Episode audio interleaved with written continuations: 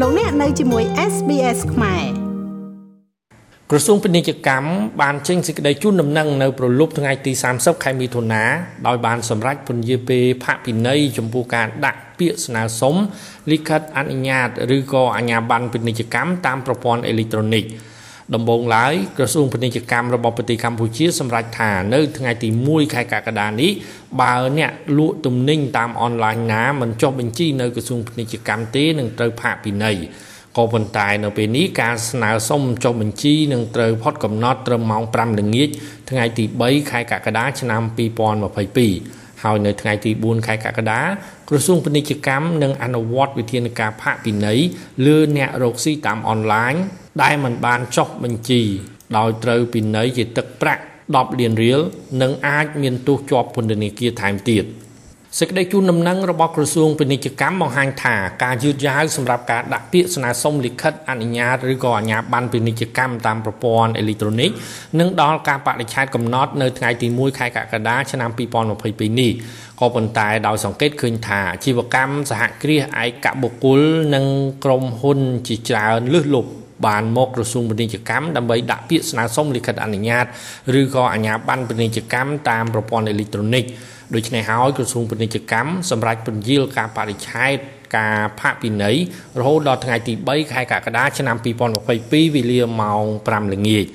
សេចក្តីជូនដំណឹងបន្តថារូបវ័ន្តបុគ្គលសហគ្រាសឯកបុគ្គលឬក៏ក្រុមហ៊ុន អាចមកទទួលលេខរៀងដើម្បីដាក់ពាក្យស្នើសុំនៅនាយកដ្ឋានចុះបញ្ជីពាណិជ្ជកម្មនៃអគ្គនាយកដ្ឋានសេវាពាណិជ្ជកម្ម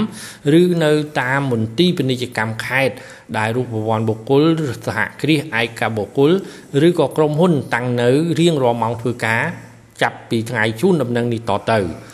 ក្រសួងពាណិជ្ជកម្មក៏បានបញ្ជាក់ថាចំពោះអាជីវកម្មដែលធ្វើប្រតិបត្តិការពាណិជ្ជកម្មតាមប្រព័ន្ធអេឡិចត្រូនិក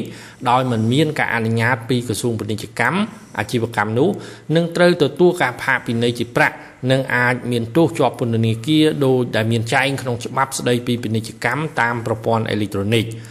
លោកប៉ែនសុវិជាតិអ្នកនាំពាក្យក្រសួងពាណិជ្ជកម្មបានលើកឡើងថាអ្នកលក់ទំនិញតាមអនឡាញដែលមិនចុះបញ្ជីនឹងត្រូវផាកពិន័យ10លានរៀល ហើយអាចឈានដល់ជាប់ពន្ធនាគារថែមទៀតក្រសួងមានស្ថិតិមានគេហៅថាទិន្នន័យច្បាស់លាស់អំពីអ្នកដែលបានប្រកបអាជីវកម្មរបស់ខ្លួនថាទិន្នន័យនេះយើងសហការជាមួយនឹងក្រសួងពាក់ព័ន្ធទាំងក្រសួងពាណិជ្ជកម្មទាំងក្រសួងប្រៃសណីនិងទូរគមនាគមន៍យើងមានទិន្នន័យច្បាស់លាស់អំពីអ្នកដែលធ្វើអាជីវកម្មតាមប្រព័ន្ធអេឡិចត្រូនិកពីពេលកន្លងមកដូច្នេះយើងក្តាប់បាននៅចំនួន ដូច្នេះហើយបានជាយើងដាក់អវសានវិទ្យឲ្យបងប្អូនមកចុះបញ្ជីត្រឹមថ្ងៃទី1កក្កដានេះអ្នកដែលបានរកស៊ីកន្លងមកហើយមកបំពេញកាតព្វកិច្ចជាពលរដ្ឋនិងជាអាជីវករល្អចំណែកអ្នកដែលចុះបញ្ជីថ្មីអ្នកដែលចង់រកស៊ីដែលផ្ដើមជាថ្មីបងប្អូននៅមានឱកាសធ្វើការចុះបញ្ជីធ្វើការសុំអញ្ញាប័ណ្ណឬក៏សុំលិខិតអនុញ្ញាតនេះបន្តទៅទៀតពីព្រោះបងប្អូនមិនទាន់ចាន់ចាប់ផ្ដើមធ្វើអាជីវកម្មរបស់ខ្លួនដែរឡើយដោយឡែកអ្នកដែលបានធ្វើអាជីវកម្មរួចហើយ បងប្អូនមានកាតព្វកិច្ចមកកាន់ទីនេះមកកាន់ក្រសួងនីកម្មដើម្បីធ្វើការសាកសួរព័ត៌មានហើយចុះឈ្មោះខ្ញុំបាទសូមជំរាបជូនថាយើងមានច្បាប់ស្ដីពីការធ្វើពាណិជ្ជកម្មតាមប្រព័ន្ធអេឡិចត្រូនិកនេះនៅក្នុងមាត្រា56អំពីការធ្វើប្រតិបត្តិការដោយគ្មានការអនុញ្ញាតអានេះយើងនិយាយអ្នកដែលធ្វើប្រតិបត្តិការដោយគ្មានការអនុញ្ញាតបានន័យថាមិនបានមកសុំលិខិតអនុញ្ញាតគឺមិនបានមកសុំអាជ្ញាប័ណ្ណគឺនឹងត្រូវពិន័យ ដែលពិន័យមិនលើសពី10លានរៀលអានេះវាជារឿងមួយធ្ងន់ធ្ងរដែរសម្រាប់បងប្អូនប្រជាពលរដ្ឋបាទបានន័យថាពិន័យ10លានរៀលមានសិទ្ធិពិន័យ10លានរៀលយ៉ាងណាក៏ដោយក្នុងរយៈពេលប៉ុន្មានថ្ងៃចុងក្រោយនេះក្រុមអ្នករកស៊ីលក់ទំនិញតាមប្រព័ន្ធអនឡាញបានសម្រុកទៅស្នើសុំចុះបញ្ជីនៅក្រសួងពាណិជ្ជកម្មដែលស្ថិតនៅតាមមហាវិថីសហព័ន្ធរុស្ស៊ីជិតពលានយន្តហោះក្នុងរាជធានីភ្នំពេញគឺមានចំនួនច្រើនរហូតដល់មួយថ្ងៃប្រហែលជា700នាក់ទៅ800នាក់ នេះបើតាមការកត់សម្គាល់របស់លោកប៉ែនសុវិជាតិអ្នកនាំពាក្យក្រសួងពាណិជ្ជកម្ម